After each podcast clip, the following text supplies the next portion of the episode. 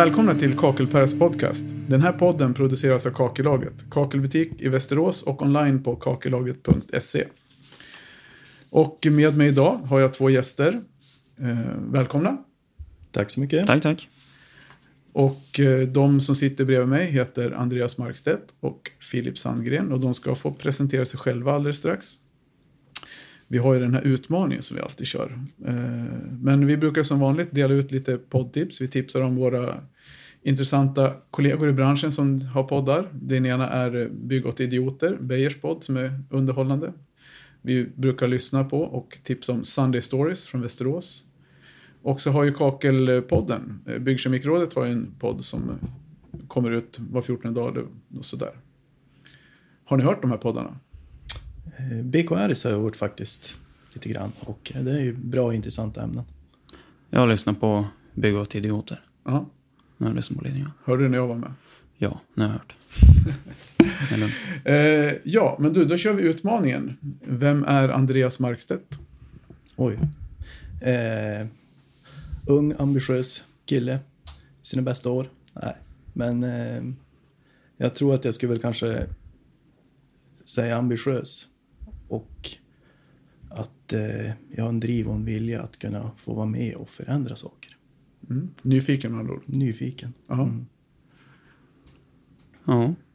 Då är det min tur då. Ja. Nej men eh, ja, jag skulle vilja säga att eh, ja, jag är väl i mina bästa år. 20 år så då är det väl då. Nej men jag är väl rätt så framåtriktad. Kör mitt egna race, försöker att vara trevlig och glad mot alla som jag möter och sånt där. ja. Annars så, ja. Vanlig 20-årspojk liksom. Det, Glad. ja, Posi- glad, positiv. Ja. Andreas, är du gladlynt? Ja, men det skulle jag väl vilja säga att Ja. jag är. Jag tror det. De flesta skulle nog skriva under på det. Om dina vänner får beskriva dig med, med två, tre ord. Ja, envis skulle komma högt upp. Envis. Envis. Ja. Ja. Så att, eh, och det kan ju vara både en fördel och en nackdel faktiskt. Men Ja, men så är det. Om man kan hantera envisheten Mm. så är det bra när man behöver vara envis. absolut. Det kan vara svårare, det kan vara värre om man är envis alltid. Absolut. och inte, och inte ger sig. Ja, ja. Eh, ja, men vi går vidare. Vem, eh, vi kan väl... För anledningen till att jag kör den här utmaningen det är för att det, ibland så ty, jag tycker, jag, det är min podd och jag tycker det är bra. Och, och lä, lära folk träna på att tänk, skilja på sak och person. För det är det den här övningen går ut på som ni säkert förstår. Att Ja. liksom, vem jag är är inte det jag gör. Jag är, jag är kakelbutikshandlare men jag, det är inte den personen jag är. Det är det jag gör. Mm. Så jag brukar säga att jag är ganska, jag är generös, snäll, omtänksam. Positiva ord, negativa ord. Om man ska använda sådana, vilket man kan behöva göra ibland, så kan jag också vara väldigt envis.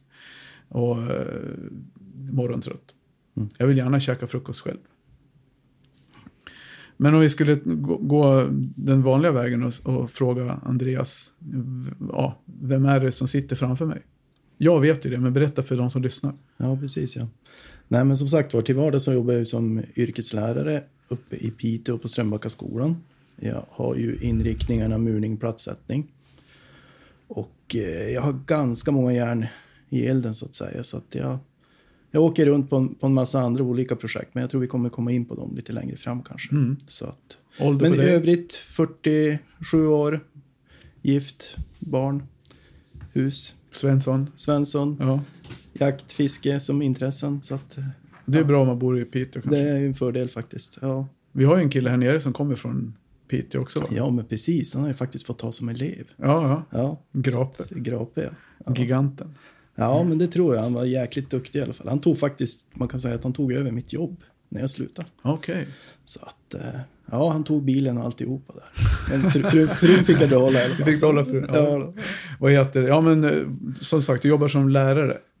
det, gör, det stämmer. Mm. Ja, som yrkeslärare. Men vad gör du? Och så lite andra projekt. Vad, bland annat, vad Mm. gör du mer? Du kan berätta. Jag jobbar lite grann åt eh, Skolverket, håller på att utveckla yrkesprov då, med inriktning, platssättning då i första Mm. hand. Sen håller jag på lite grann med vuxenutbildningar och eh, sen eh, håller jag på då med, kanske en av anledningarna till att jag sitter här nu, det är ju då att jag är coach eller expert som det heter i yrkeslandslaget i, Ja. i Sverige. Så det är verkligen, ja, verkligen många järn i elden kan man säga. Jag har en hel del igång ja. och eh, det är klart, jag, jag tycker att det är roligt, annars skulle jag inte hålla på. Nej, såklart. Så såklart. Så att, eh, ja, nej men det är skoj och eh, som sagt var, just det här med, med tävlingarna, det kommer vi komma in på lite mer. Ja, absolut. Det blir ett Mm. litet eh, eget eh, avsnitt. där. Men Mm. jag tänkte bekanta oss lite grann först. Ja, precis. Eh, vi kan väl hoppa direkt till Filip, så får du berätta också lite grann vem du är då. Ja, Nu förvirrar jag mina deltagare, för jag hoppar över några punkter i, Ja, hoppar mellan fara. punkterna i lugnt. Nej, men vem är jag? Ja, jag är Filip Sandgren, 20 år. Bosatt i Västerås. Ehm, uppväxt här i stan. Som alla andra. Gått um, treårigt bygg på Harska. Utbildad plattsättare. Eh, jobbar på en firma här i stan. Eh, ja, tränar och sliter inför yrkes-EM som är nu. Jag har ju varit med, jag var med och tävlade på SM 2018 i Uppsala. Sen var det, efter det så var det egentligen raka spåret med träning till World Skills i Kazan 2019 och ja. Och du jobbar på Mälarö? Ja, jag jobbar på Mälarö- ja, Mälarö badrum ja. Vi får, det är fritt fram Ja. och prata om företag här. Det är bara roligt. Du sitter Gött. säkert någon och googlar sen och kollar vilka det är. Så det är bra. Det är bra. Och det är Micke Blom som är din Ja, precis. Ja, det är jag och Micke Blom. Micke är chefen och så är det jag som är anställd. Så vi kör på vi. Funkar nu- bra. Nu har du varit ledig lite grann och träna. Ja, precis. Jag har ju fått... eh, Det går ju åt rätt så mycket träningstimmar för att hålla på med det här liksom. Mm. Jag vet inte vad vi slog ut, men jag har lagt ner en 500 timmar på, Mm. från slutet av september till... Ja, tills vi åkte till VM i Mm. augusti där. Så det är ju en hel del timmar man lägger på det där. Så det är Det är lite kul nämligen, för att jag tänker på det just med, med skills, alltså hur skicklighet Mm. man har. Så det är ju lite grann så du och jag lärde känna varandra, Andreas. Ja, men det är det ju. För det var ju inte, Absolut. vi lärde känna varandra, nu kommer inte jag, vilket år, kommer du ihåg vilket år det var? Nej, men det, det, 2004? det bör i alla fall vara en Fem. 12, 12, 12 13, nej det är mer, kanske 14-15 år sedan. Men jag tog över det här 2012. Okej, Nej, fan 12. 2008. åtta. Det måste vara 6 eller 7, 2006, 2007. Ja, tiden går. Och det var ju egentligen på eh, simhallen i Skellefteå, Eddahallen. Mm. Ja, vi hade, jag jobbade ju åt eh, Hortlax platssättning då.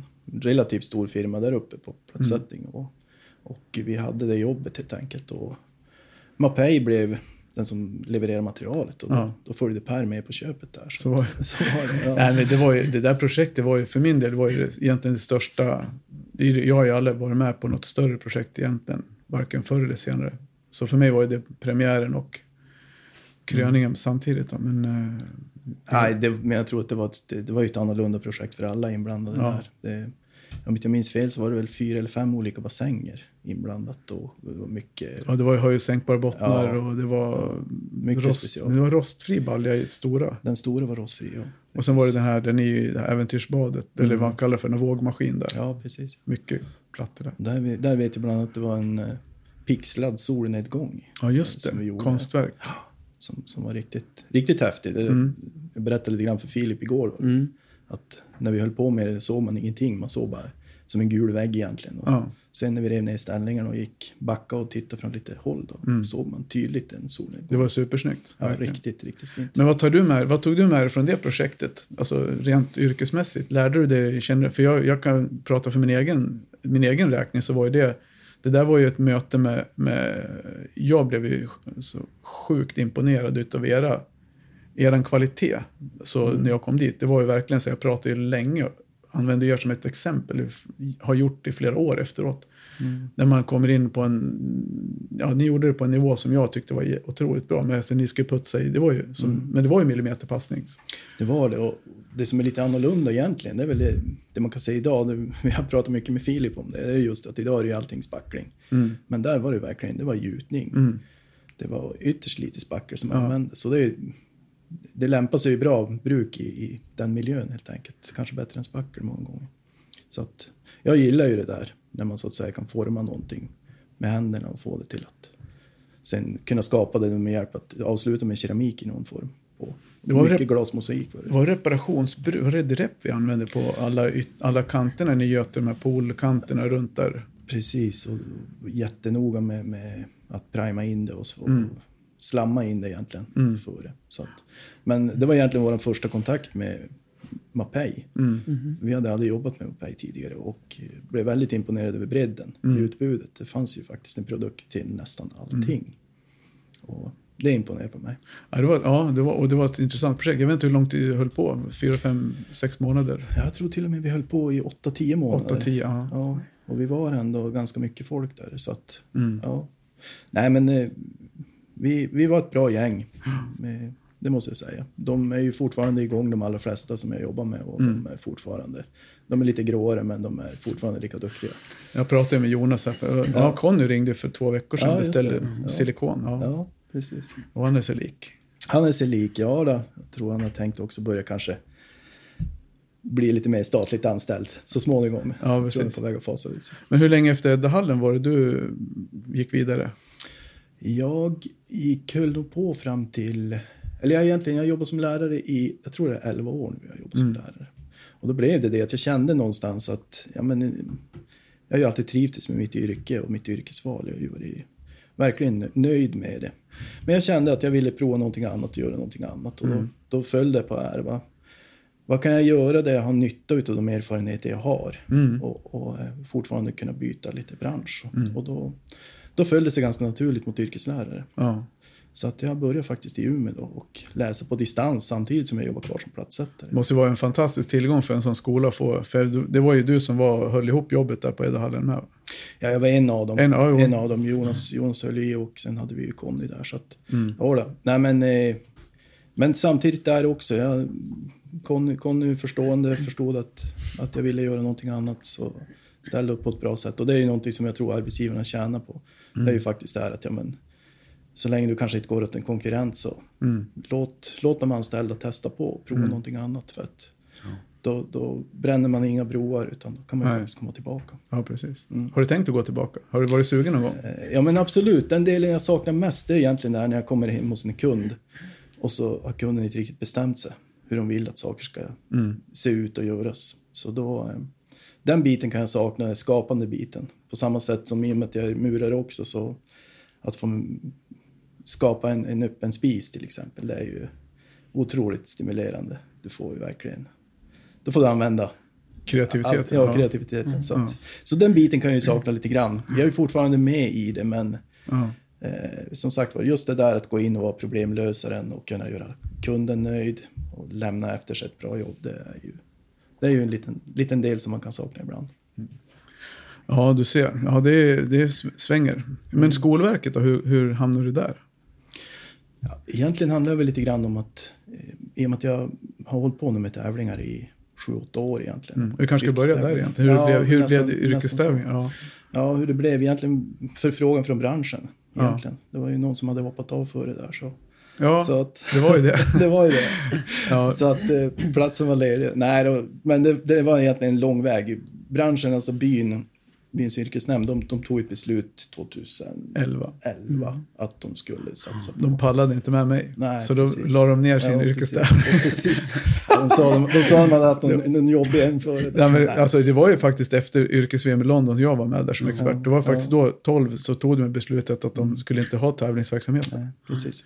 Sen gjorde de en ny start då 2014. De skapade något som heter Construction Skill Sweden. Som blev då ett, ett utbrytning från, från byn kan man säga. Alltså, det var ju inte så, vi får ju tillägga det. Det var ju Nej. inte på grund av mig som alla Nej, letade. nej, absolut inte.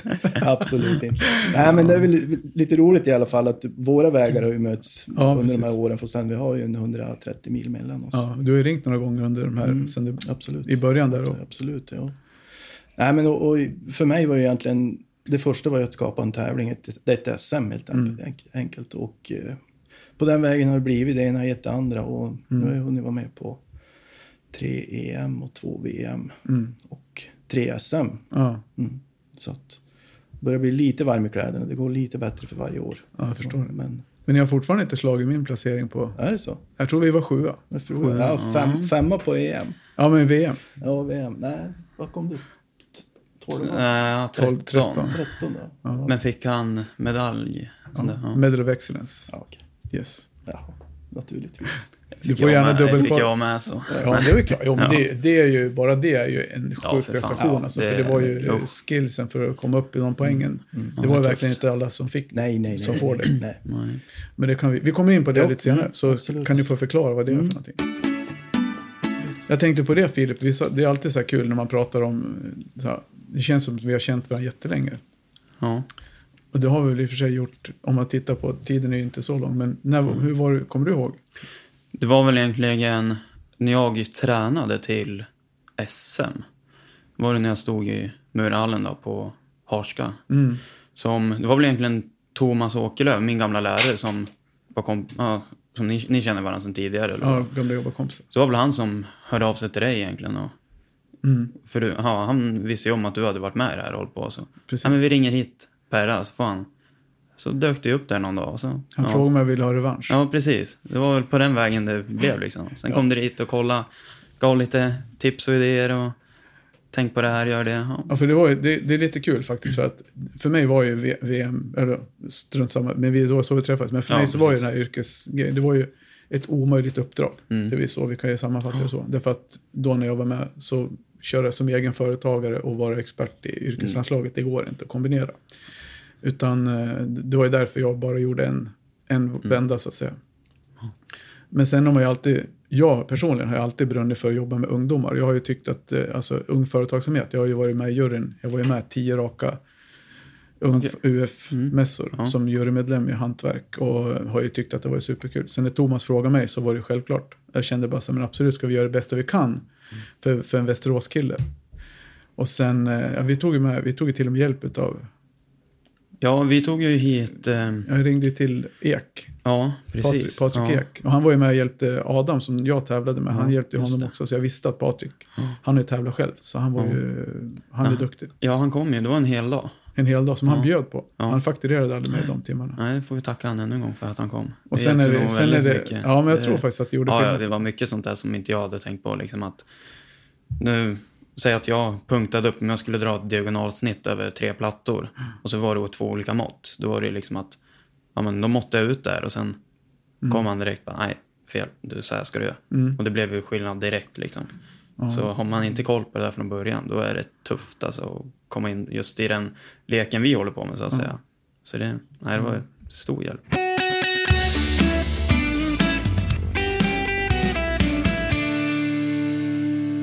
Om ni har lyssnat så här långt och gillar det ni hör så får ni gärna berätta det för era vänner. Dela inlägg om podden och sprid den. Och hör av er om ni har inspel eller synpunkter på innehållet eller om ni vill vara med själva. Men då kommer vi in på, nu har vi glidit lite grann mellan ämnena här, Mm. så, men det var så vi träffades. Och Ja. sen är ju du, handlar ju ni hos oss på Kakelaget en del. Precis, Lite också. verktyg och Ja. fogar och grejer. Eh, så därför, vi träffas ju nästan varje dag. Det var därför det känns så konstigt att... Ja, ja, men det blir ju. Jag har ju ändå jobbat nu, jag tog studenten, ja, det blir ju tre år sedan. Ja, Sen dess är jag liksom, ja men jag har ju jobbat här i stan hela tiden, så det är ju, sprungit här lite ja, grann. hela tiden liksom. Nej, men det, det är, nu, har vi, nu har vi touchat det. För det, det är ju nästa del liksom. Mm. Kan man verkligen tävla i platssättning? Jag vet att man kan. Men kan man göra det? Ja, jag tycker det. Ja. Ja, Absolut. Det kan man. Jag skulle säga att det är... Det går egentligen hur bra som helst att tävla i yrken i stort. Och, och jag menar, det här med yrkeslandslaget som vi har, det, det, det visar ju på det också. Mm. Vi har nu fram till, eh, visst är det så, nu får du rätta mig Filip om jag har fel, är det 18, 18 stycken som kommer att tävla från Sverige nu i Ja, gras? i 18 januari. stycken som det är just nu. Från platssättare? Nej, Nej. Nej. hela yrkeslandslaget Ja, är ja, precis. olika yrken. Är det Ja, EM då? precis. Det är EM Ja. i Mm. Gräs då, som kommer att gå i början av januari. Okej. Så det skulle ju egentligen ha gått nu då, men Ja, vi skulle ju, det hade ju varit klart nu. Vi skulle ha tävlat i september.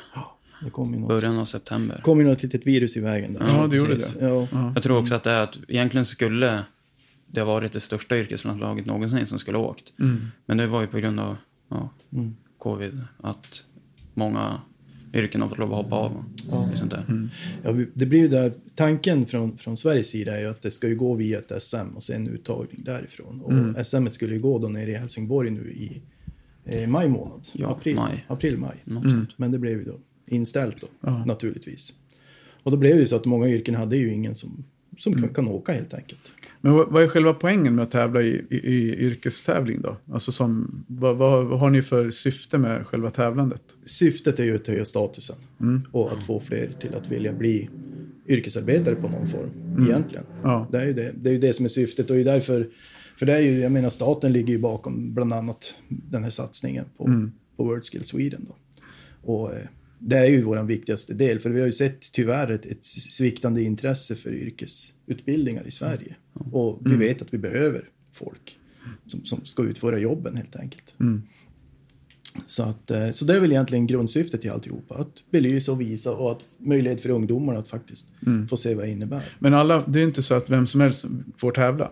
Nej. Det finns ju vissa kriterier som man måste uppfylla. Vad är, hur ser liksom grundkriterierna ut för att få tävla i yrkes, yrkestävlingar? Om man säger så här att eh, internationellt, om vi tittar på, på SM, då är det ju oftast att det blir en uttagning via en skola. Helt enkelt, det är ett yrkesprogram. Och sen går du vidare till ett SM och så sen den som vinner där får möjlighet att tävla vidare. Och för att då tävla till exempel i VM så får du inte ha fyllt 23 år. Okej. Det är väl egentligen det krav som finns. Sen får du bara tävla en gång i ett VM. Och sen så får du vara med på ett EM och där det är 25 år. Och så får du bara tävla en gång. Så att som nu i Philips fall så startar vi då i Kazan, Ryssland i augusti. Augusti. Augusti. Ja, gick det av. Mm. Och så sen så siktar vi då egentligen som sagt var då EM i Grask som skulle ha gått nu då, men som blir flyttat till i januari. Man får bara en chans. Så det är inte Man får bara, bara det chans. finns liksom inte något utrymme för revansch. Om man Nej. ser att du missar, missar på världsrekordhoppet så kan du inte hoppa veckan efter. Utan, Nej. Men det som gör det lite både, både läskigt och lite spännande också, det är ju att det är svårt att träna för det räcker att ha en dålig dag när du kommer dit. För du får ju ingen andra chans, precis som du är inne på. Utan det är ju då och nu du ska prestera. Men Max. funkar det likadant i alla länder? Alltså uttagningar via nationella Nej. eh, mästerskap? Utan, Nej. Det är ju ofta så att svenskarna är ju yngst. Mm. För att vi ofta så har vi kommit från skolan. Och ni är ju oftast de yngsta deltagarna. Ja. Vilket man kan säga att skulle man nu bara titta på att gå för höga placeringar. Mm. Då kanske uttagningen skulle se lite annorlunda ut. Men syftet, jag menar, huvudsyftet är dock att visa upp yrkena. Mm. Så att fler får upp ögonen ja, men precis. för det här. Så att, för det är klart, handplockar du någon som är precis strax under maxåldern, Ja. som har jobbat väldigt länge Som och kanske du kan, ja, dessutom kanske kan träna något år med dem. Så. Mm. Men vilka, vilka, länder är det som, vilka länder är som vinner mest då? Vilka är det som går bäst? Tyskland är ju, ska jag säga, Mm. jag vet inte hur det såg ut på din tid, men de låg säkert högt uppe redan då. Mm. Eh, Frankrike placerar sig oftast bra. Och i början så, så var ju även, om jag säger, ja men ki- kinesiska länder var ju Mm. väldigt duktiga. Men i och med att vi har ändrat lite uppdragen och lite projekten så att de har blivit mera blind helt enkelt. Att du vet inte vad du kommer att göra. Så, Mm. Nej, så ser vi väl att europeer har, har klivit fram ganska mycket mer. Mm. Ja, för jag vet det, när vi, de som jag pratade med där, det var ju de som var duktiga på 2011, det var ju Tyskland som du säger. Det var ju Schweiz var ju super. Mm. Jag tror Ja, Schweiz schweizaren duktiga. vann. Ja. Och Ja, sen. Österrike, Schweiz. Österrike, Schweiz, Tyskland, Sydkorea. Men Sydkoreanerna när vi tävlade tror jag inte gick så bra för. Men det är ju de tre. Mm. Australien gick det bra för. Australien har fallit tillbaka lite grann. De har faktiskt inte haft någon tävling de sista åren. Men. Men, eh, men det är precis de länder du säger. Vi brukar prata om tysk, Mm. tysktalande länderna. De är riktigt grymma alltså. De är För jag vet att schweizarna, de hade ju ett helt team. De var ju som tränade platsättaren. Det var väl Mm. någon äldre herre som hade varit med i sen urminnes tider. Sen hade de en yngre kille, jag kommer inte ihåg något namn nu. Mm. Men, så de var ju riktigt vassa. Ja, men de är fortfarande väldigt Mm. duktiga. Och, nej, men, men det är ju sådär. Och sen ett land som verkligen går bra, det är ju Danmark. Då ska man inte... De har en... De är duktiga. De är riktigt Ja. duktiga. Det, Det är... Nej, men de är duktiga. Men de har en, en helt annan... Vad är skillnaden mellan Danmark och Sverige, tänker du? Ja, jag skulle nog säga... För det första om man jämför till exempel, vi var med på deras nationella tävling Mm. i Danmark. Då fick Filip vara med och tävla där. Om man då jämför deras danska mästerskap kontra svenska mästerskapet som vi har. Då blir det egentligen så att på dagarna på svenska mästerskapet då, då bussas skolor dit för att se yrken och se tävlingarna. Och sen när eftermiddagen kommer så åker ungdomarna därifrån och blir ganska tomt på tävlingsplatsen. I Danmark har du egentligen samma princip. På dagen då kommer ungdomarna dit och tittar, men när klockan slår fyra då väller det in yrkesfolk Jaha, okej. som går runt och kikar på det ungdomarna tävlar i. Och det blir ju lite skillnad. Det blir ju stor skillnad. Ja, då känner man helt plötsligt att då kommer arbetsgivarna och Ja, ja. Blivande- blivande arbetsgivare. ja, alltså det är helt otroligt hur, vilken skillnad det är. Och lite jag skulle säga statusen, ja, det fanns inte sånt också. Men statusen på, på att vara yrkesarbetare anser Ja, jag är betydligt högre i Danmark. Det är ju så. Det är ju fint att vara. Jag ska inte glömma en fråga, för vissa saker är ju självklara för oss som sitter vid bordet. Så nu pratar vi på liksom en nivå som kanske folk fortfarande sitter så här, men vänta nu, tävla i platssättning. Och jag fick ju frågan ganska ofta, jag får ju fortfarande frågan när jag pratar om det. Vad tävlar man i? Alltså för många säger, ja men hur, folk förstår inte, hur, är det för att man ska vara så snabb som möjligt eller ska Ja. man, så förklara vad, vad det är, Den frågan får man ofta. Ja, precis. Hur det är man gör. ja, vad är det man tävlar i? Ja, men egentligen så är det att tävlingen går ju, är ju uppdelad på EM är 18 timmar, VM 20 timmar. Då får du ju en ritning. Och du ska ju föra över ritningen till, liksom du ska göra det som står på ritningen. Men det är ju under enorm tidspress. Det är moment som måste vara klara på dagarna. Liksom du får en ritning på dag ett till exempel. Första dagen, då har du sex timmar på dig. Skära ut en vägg med olika mönster till exempel. Mm. Kan vara en sol, en byggnad, någonting.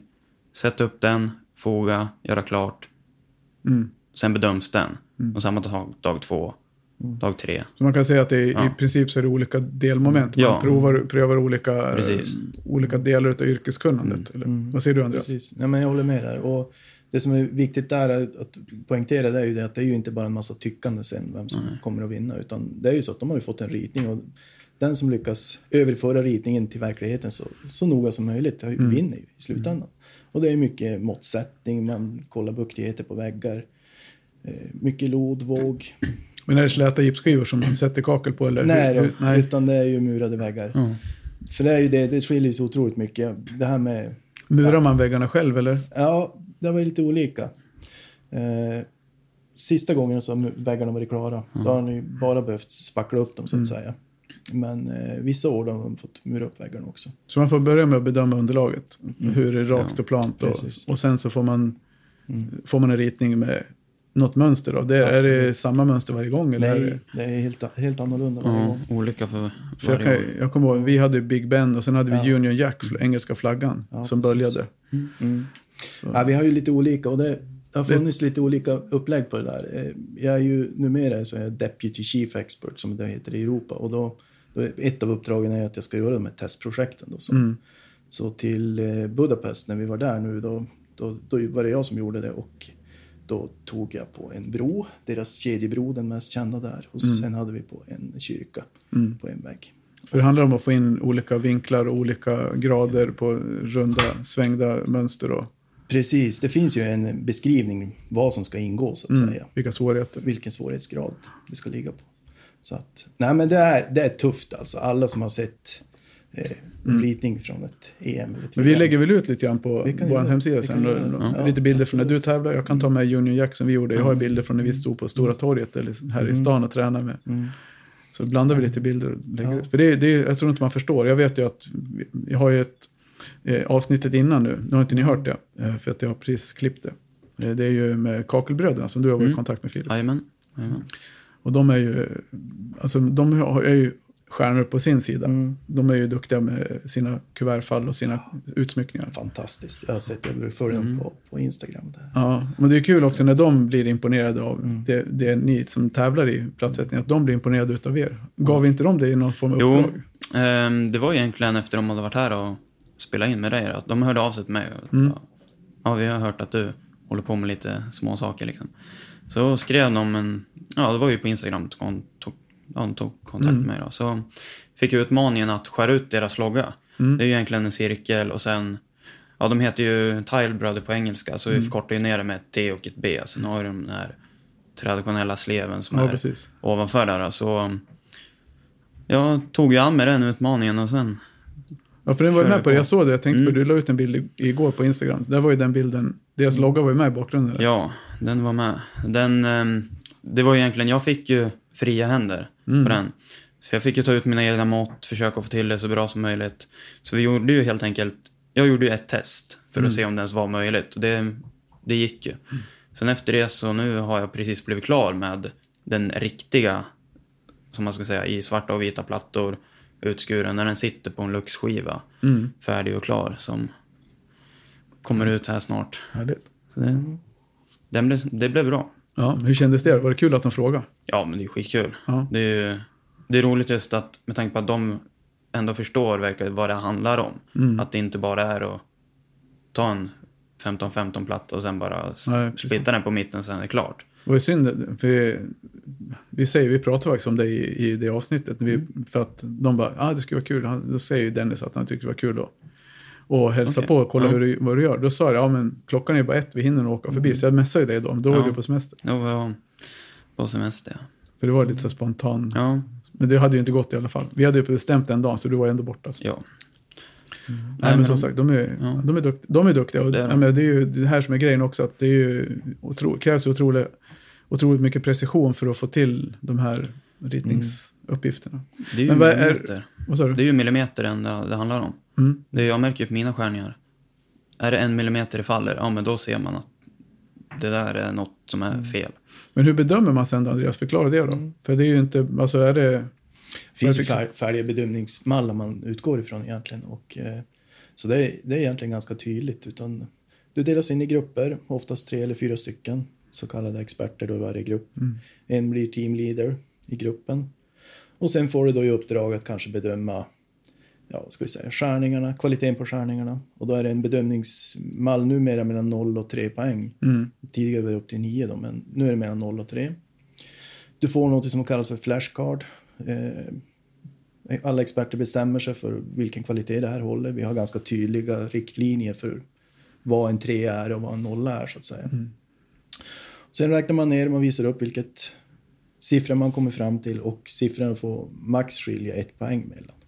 Men hur, hur många sådana här bedömningspunkter är det på en sån här uppgift? Då? För det är, om man inte har sett det här nu, när man lyssnar bara, för att det är ju, så här, väggarna, väggarna är ju 1,20 gånger 2 meter. Så här, Ja, en- cirka, lite ja, större än så. Ja, men så, typ Mm. ja, Så, ja. tre kvadratmeter.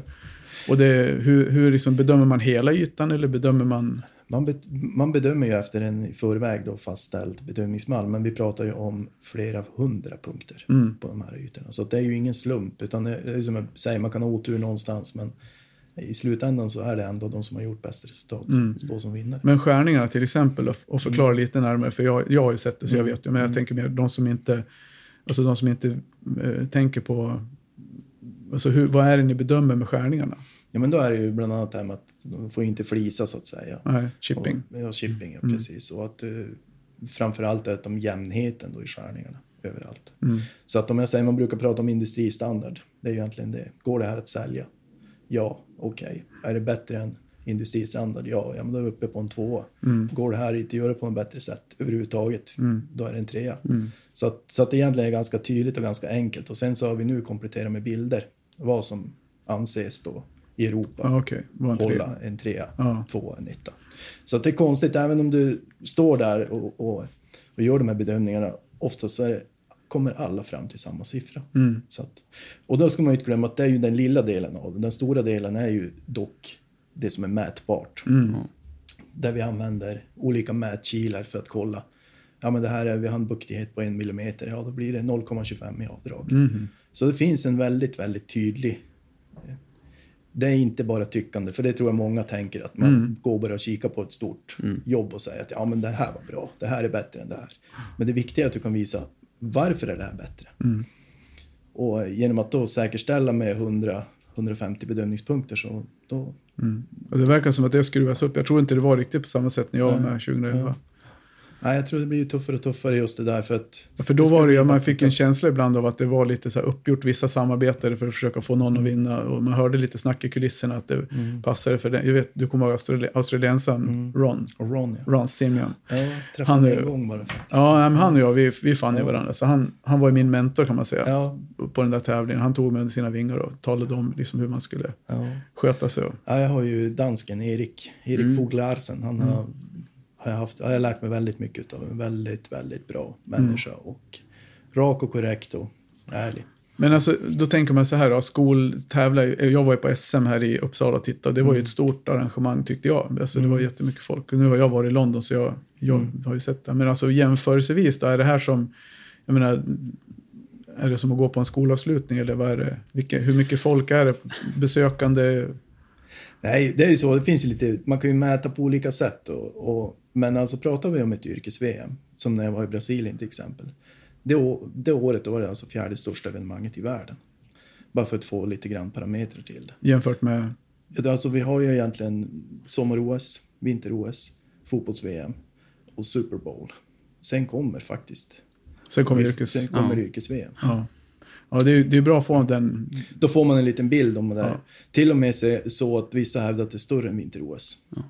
Så att, eh, Men det var ju som nu i Ryssland. mm. Då var det ju, det var ju världens största evenemang det året. Det var ingenting som var större. Nej, det, 2019. nej, då fattar man ju lite grann Mm. hur mycket deltagande och besökande och yta som man täcker upp med tävlande. Och Det Ja. är ju enorma, enorma Oh, ja. Ja, men det är ju så stort så att, och i Sverige är det fortfarande ganska litet. Vi har ju som inte riktigt nått ut. Det här är ju ett sätt att nå ut, Mm. det vi gör nu. Det är Därför vi vill synas och höra så mycket som möjligt. För det är ju så att, ja men, Putin höll avslutningstalet. Mm. Det, det är inga små. Nej, Var det 45 000 fullsatta läktare eller var det ännu mer på invigningen och avslutningen? det är Ja, helt sjukt. precis. Du vet London O- O2 Arena, där vi Ja. var, det var ju galet. Alltså, det var, ju- Det var väl över en 200, jag tror det var 270 000 besökare eller någonting på fyra dagar. mm. Om det Ja, inte var ännu mer. Jag tror det var mer än Ja. faktiskt. Ja. Nej, men då får man en bild av hur stort det är. Och det är ju, har man varit med på ett... Bara, jag skulle säga så här, bara åka och titta på den här Ja. tävlingen Ja. vore ju, är ju någonting som är... Alltså nu det, Graz till det rekommenderar jag till alla att göra Ja. faktiskt. Att, som Graz till exempel, det är Ja. överkomligt. Ja, men Brasilien visst. kanske känns långt bara att åka och titta, Ja, men ja. åka till, det är Schweiz va? mm. Åka dit för att titta på en tävling som, är, som har med ens jobb att göra. Ja. Det finns ju mera. Det är ju, hur, många, hur många yrken är det som tävlar? 40 yrken på EM och Mm. 50 brukar vi säga i- på VM.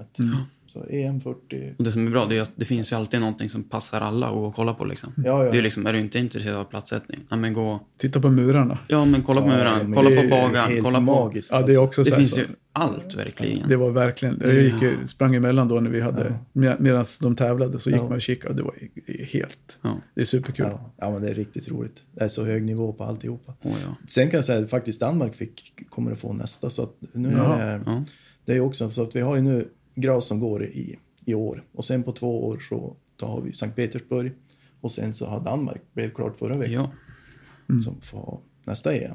Och då blir det ju väldigt... Så blir EM i Danmark 2023 då, eller? 24. 24, 24, 24. 24, ja. 24 blir. Och VM går, VM går i Shanghai nu i höst, nästa höst. Mm. Och sen går det I, i, i, var det inte i Frankrike? Frankrike Lyon va? Lyon fick Mm. det. Mm. okej. Så det blir 20, vad blir det då? 2020, 5? Nej, det blir före. 23, före, 23. blir det. Så det är ju varannat VM år. går ojämna, Ojämna. ojämna år och EM går jämna år. Så att, nej, men det är ju häftigt faktiskt. Det är riktigt häftigt. Och, som sagt jag tror att för gemene man är det svårt att inse hur Mm. stort det här är. Alltså. Men jag tänker på, nu har inte jag pratat med Adam som tävlar, då när jag, när jag var expert. Det heter ju Mm. expert. Det heter expert. Ja, ja. men det, och det Även väl, om det känns konstigt att Ja, säga. det men- känns jättekonstigt. Jag var expert på VM. Det, det, det är ju mer så här studion, sitta och prata som Mm. yrkesexpert, men det var inte riktigt så. Men det är, istället för domare, men man är ju både och. Man är ju både coach och domare. Och, Man kan ju säga att man är ju coach fram tills tävlingen börjar. ja, Och när tävlingen börjar då ändrar man yrkesroll, då blir man ju domare. så är det ju. Mm. Filip då, vad, vad tror du? Alltså, som jag sa, jag har inte pratat med Adam, hur han upplever efter han tävlar.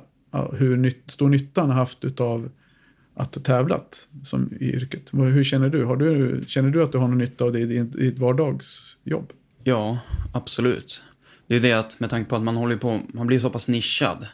Med tanke på att jag står flera timmar, liksom helger, kvällar och bara tränar på att få till snygga skärningar. Mm. Det är liksom, det är ju självklart att, ja men, kuvertfall till exempel.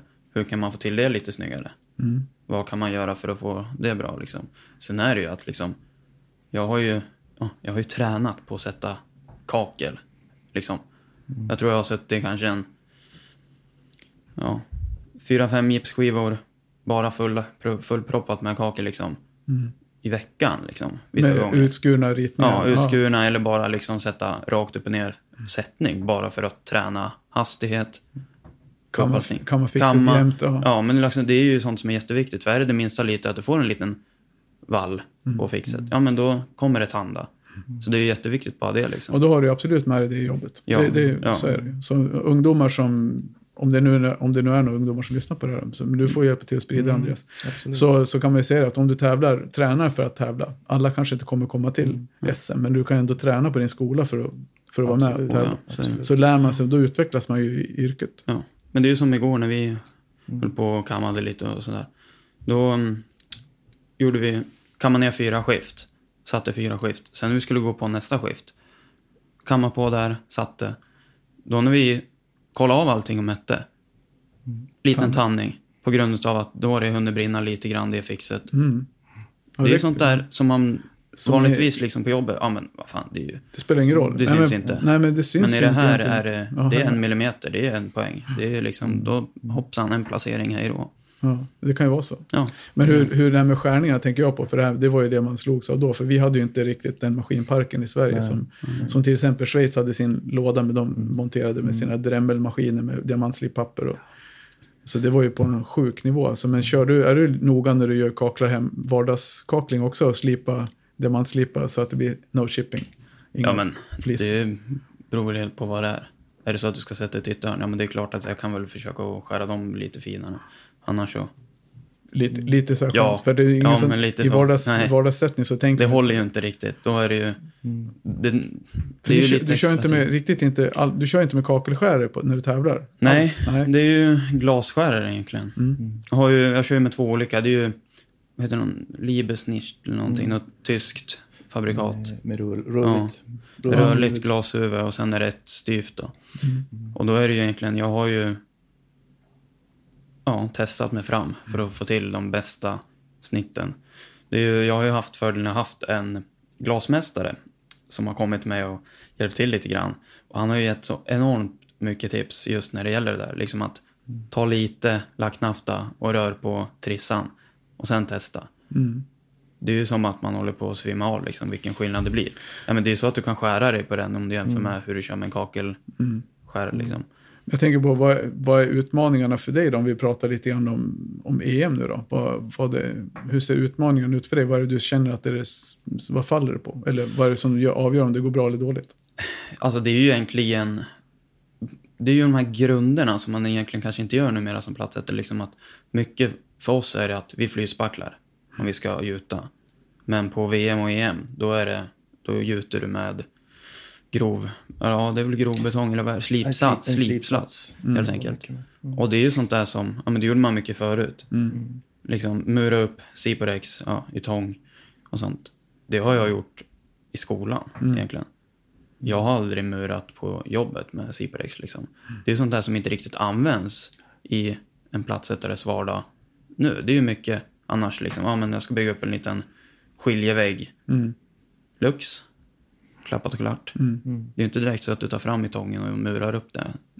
Så det är ju det är egentligen där det faller i våran del. Att, för det är ju det jag får lägga mycket träning på nu egentligen. Det är ju, Det, utmaningen för dig att hitta de här tredimensionella Ja. murning och gjutning. ja, men lite så. Det är ju egentligen de sakerna man kanske känner, ja men det är väl inga problem. Men Mm. det är där det kan falla. För det är ju de millimeterna som även mäts det med. Så, Men har det med att göra att vi Bygger man på, är det för att de bygger mer så i, på kontinenten eller runt om i världen också då, eller? ja. Ja, men det är ju det. Ja. Det är ju någonstans där att hitta, hitta en modell som funkar i hela världen. Det är ju svårt. För med det med lättväggar och sånt, det är ju nästan här i Norden som vi jobbar mest med det. Mm. Eh, pratar du med en i, från öststaterna så kanske det inte blir riktigt det här med vikten av tärtskikt och sånt. Utan det är tunga konstruktioner som klarar fukt helt enkelt. Det är så man tänker. Man blandar inte in material som inte tål fukt. Men du som då tänker på det då, du som i din roll på Skolverket, vi kommer komma in på det i nästa del här, men eh, är det någonting du tar med dig där i utbildningen eller? Ja, alltså egentligen så är det så att utbildningen har ju gått lite grann, jag ska väl inte säga åt fel håll, utan jag tycker väl, jag tycker det är lite dumt att vi, vi drar isär yrkena murning och platssättning, som vi faktiskt gör nu. Nu blir det ju två helt skilda yrken. Och vi kommer få ganska tufft att kunna utbilda till bägge delarna, som vi har gjort och som många andra skolor har gjort i Sverige. Vi, har haft en utgång murning och sen så har vi haft med oss så att säga eh, platssättningen också. Det gör ju helt enkelt att att eh, man blir betydligt bredare. Och det här med att bli en ren platssättare funkar ju bra i storstäder. Jag menar här i Västerås. Du kan säkert ha- hitta ett antal rena platssättningsfirmor här. Ja, det finns många. Ja, ja, men det jag menar. Och går du till ändå större städer så har du ju ändå mer nischade. Men vi har ju många bruksorter där du så att säga kanske måste bli lite bredare.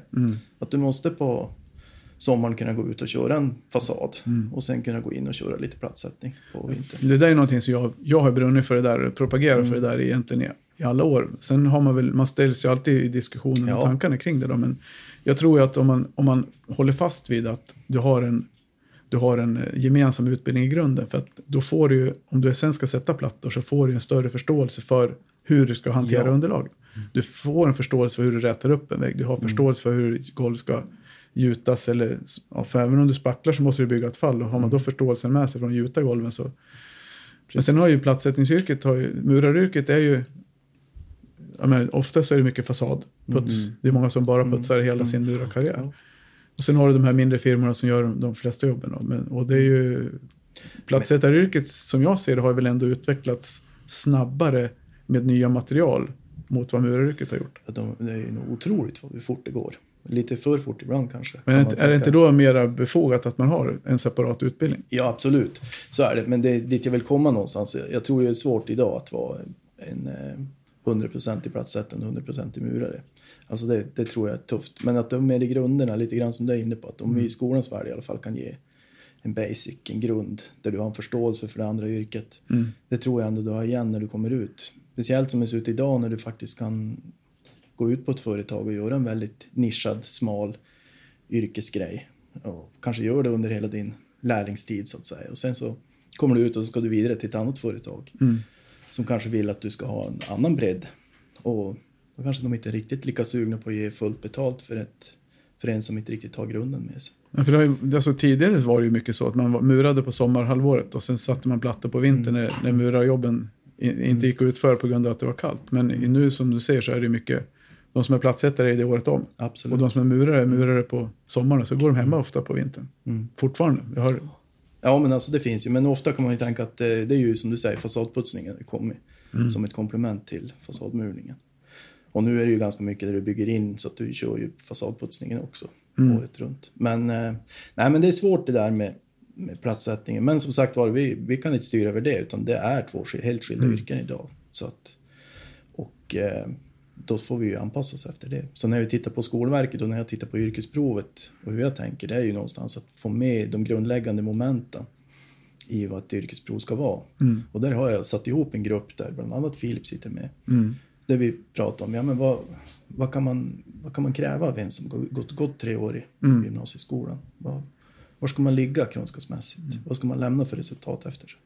Och det är också en sån fråga som man hela tiden får i och med att det kommer mycket friskolor med, som, som släpper ut, som ringer upp och säger hejsan vi har en, en elev som vill ut på, på praktik och så går de bara praktik. Vad, vad tycker du om den typen av utbildningar, vuxenutbildningar, friskolor eller? Ja, det är ju så när man får väl akta sig lite grann. Men man kan väl säga så här att jag tycker att alla... alla Nej men alltså egentligen så handlar det om en kvalitet, det handlar Ja, om vad vi... Men vad, det är ju dit någonstans, om jag säger så här, jag tror den biten kan inte göra någonting åt. Men Nej. däremot så kan jag göra det genom att ställa krav på ett yrkesprov. Ja precis, jo. Alltså det är ju, det är ju mitt sätt att kanske se att vi kan få en kvalitetsstämpel på utbildningarna. För man blir ju, så det kommer ju hit killar som går praktik hos de här mina kunder här.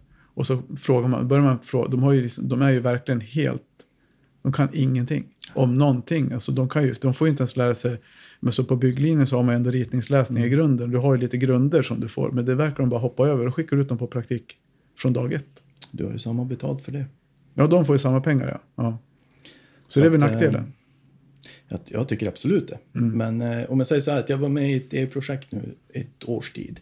Jag och en yrkeslärare, Karl-Erik Spång från Sala. Mm. Ja, just det, Kalle. Eh, Kalle, ja. ja. Världens bästa Kalle. Ja. Men eh, i alla fall, vi åkte runt och vi, vi besökte, tror jag, över 50-60 skolor runt om i Sverige. Vi koncentrerade oss ganska mycket på södra Sverige just för att SM skulle gå då i, i Helsingborg. Och vi ville försöka få fler som ville, skulle komma på det. Men det var ju en möjlighet för oss att få se utbildningarna på de här skolorna. Och jag kan säga att det finns otroligt många fina utbildningar och ambitiösa, duktiga lärare. Men det finns också en annan sida.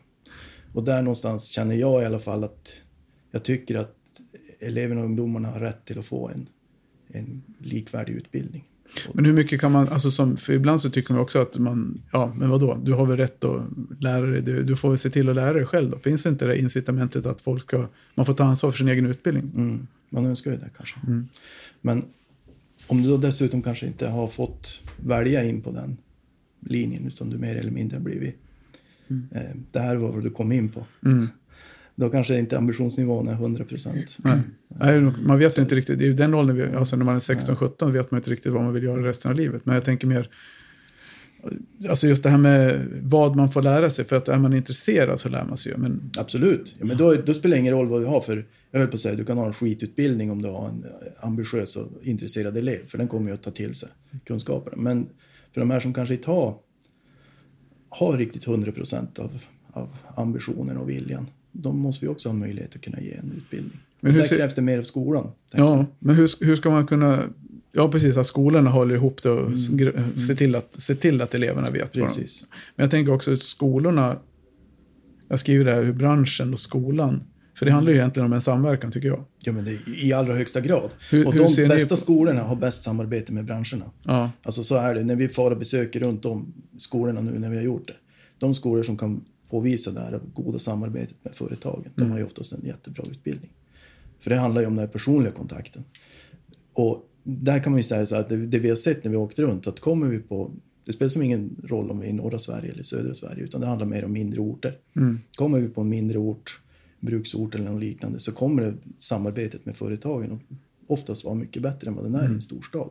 För du har ju det här att de som är lärare på en mindre skola har ju jobbat på företag på orten, oftast. Ja. Har ju kvar en kontakt in i näringslivet där. Jobbar du på en större, en större skola i en större stad så då tror jag du hamnar lite längre ifrån företagen. Eller, Det är i alla fall vad vi har sett när vi åkt runt.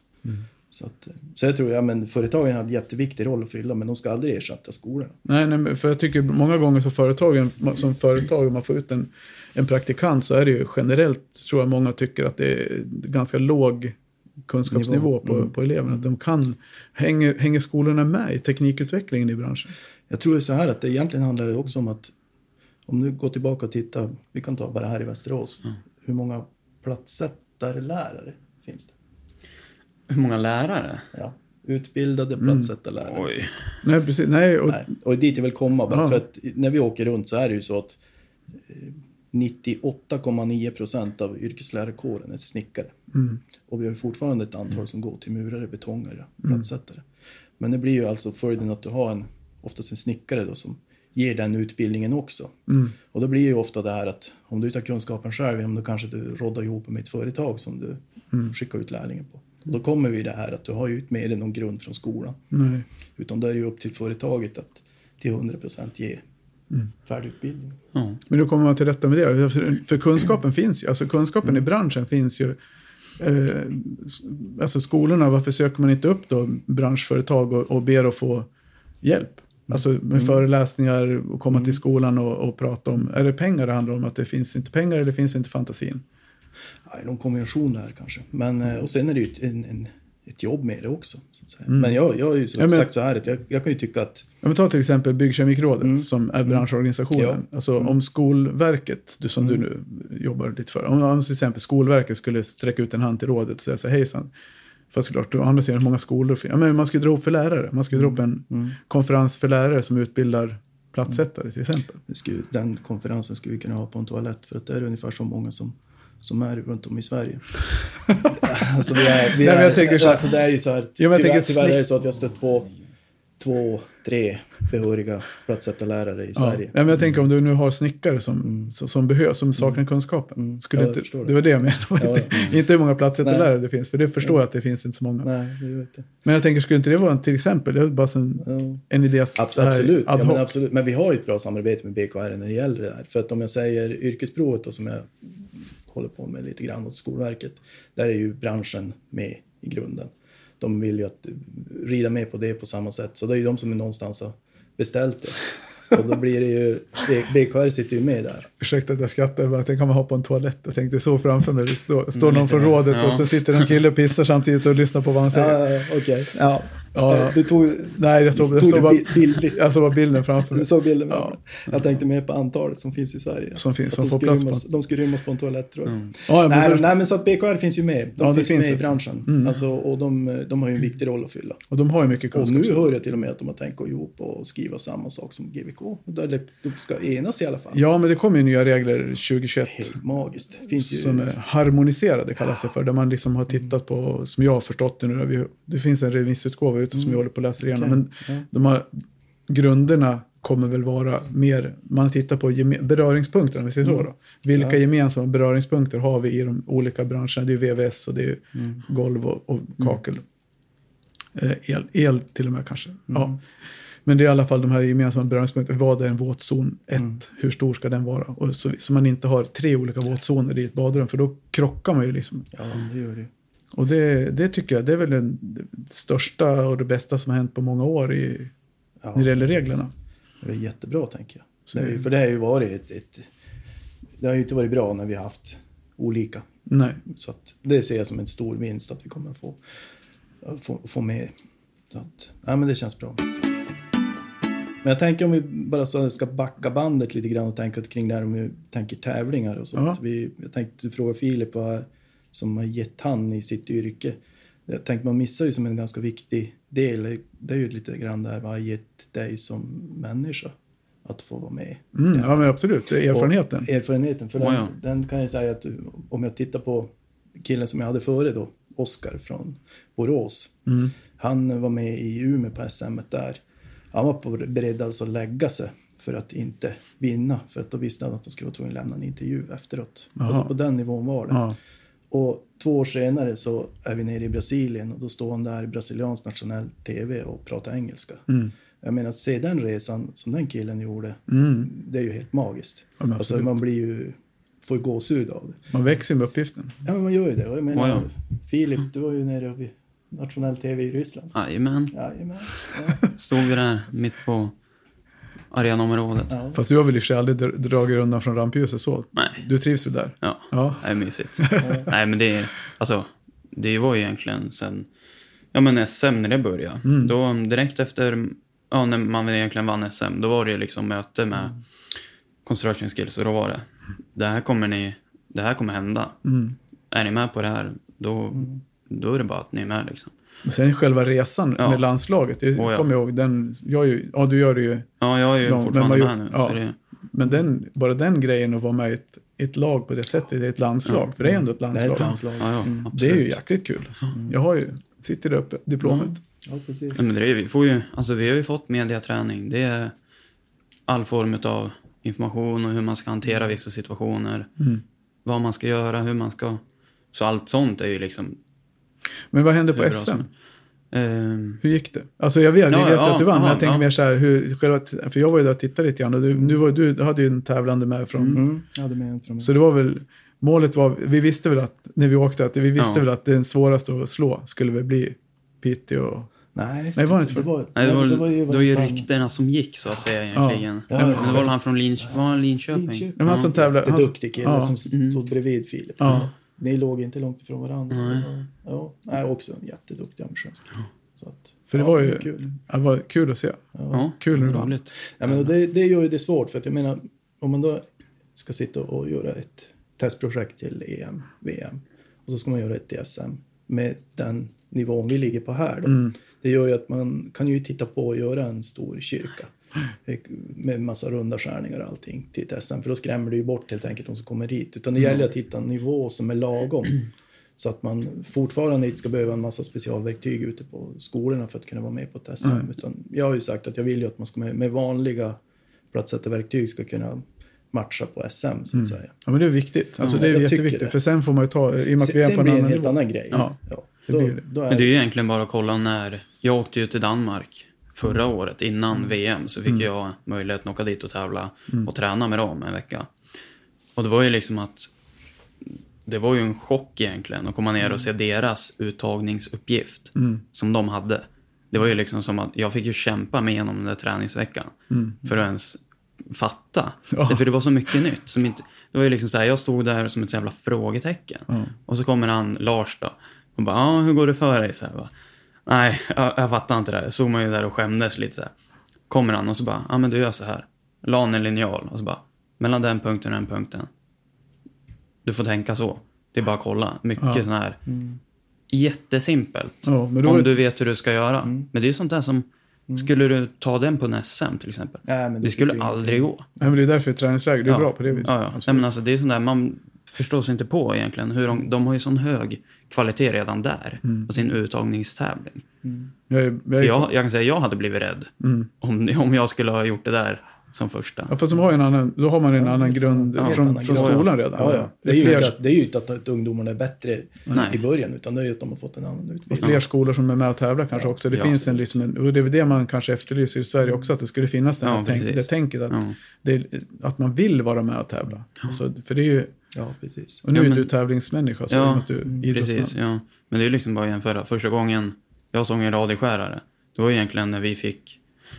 Jag tog ju över den lådan som du hade fixat ihop Mm. till Adam va, som var tävla. Det var egentligen första gången jag såg en radioskärare. När jag åkte ner till Danmark kom de ju med egna radioskärare, varenda kotte. Ja. Liksom. Och det var ju inga små saker. Det var ju Rolls Roycen från Tyskland liksom. Man stod där och bara oj, oj, oj. Mm. Lite skillnad liksom. ja, precis. Så det är ju- det är klart att det blir det, Ja. man har det på en annan nivå. Det är ju, Det ska ju vara, det ska ju vara skillnad också. ja, självklart. Så nej, Men det är roligt lite- att se Men jag, hur jag kan det ju tycka att, jag har ju haft nu, är det det är fjärde tävlingen jag har nu. Mm. Och just det där hur man växer som människa. För mig är det ju helt Mm. fantastiskt att se. Mm. För att även om det har gått dåligt för en del, riktigt dåligt för en del, så har de ju, som säger ju att jag har ju aldrig lärt mig så mycket om mig själv. Nej. Ja, men man lär sig ju lika mycket nästan av motgång som av medgång. Alltså Ja, det är ju, man växer ju, man är växer det. med Absolut. också. Ja, ja. ja, men jag menar, och sen första tävlingen jag hade, jag menar, vi åkte ju ner där med en fogbalja och en Emil såg och en Ja. Och tänkte att vi skulle ner och börja. Mm. Ja, det blev ju stor däng och det var ju absolut inte den tävlandes fel utan det var Nej. helt enkelt att vi hade ju inga förutsättningar för att kunna fixa det där.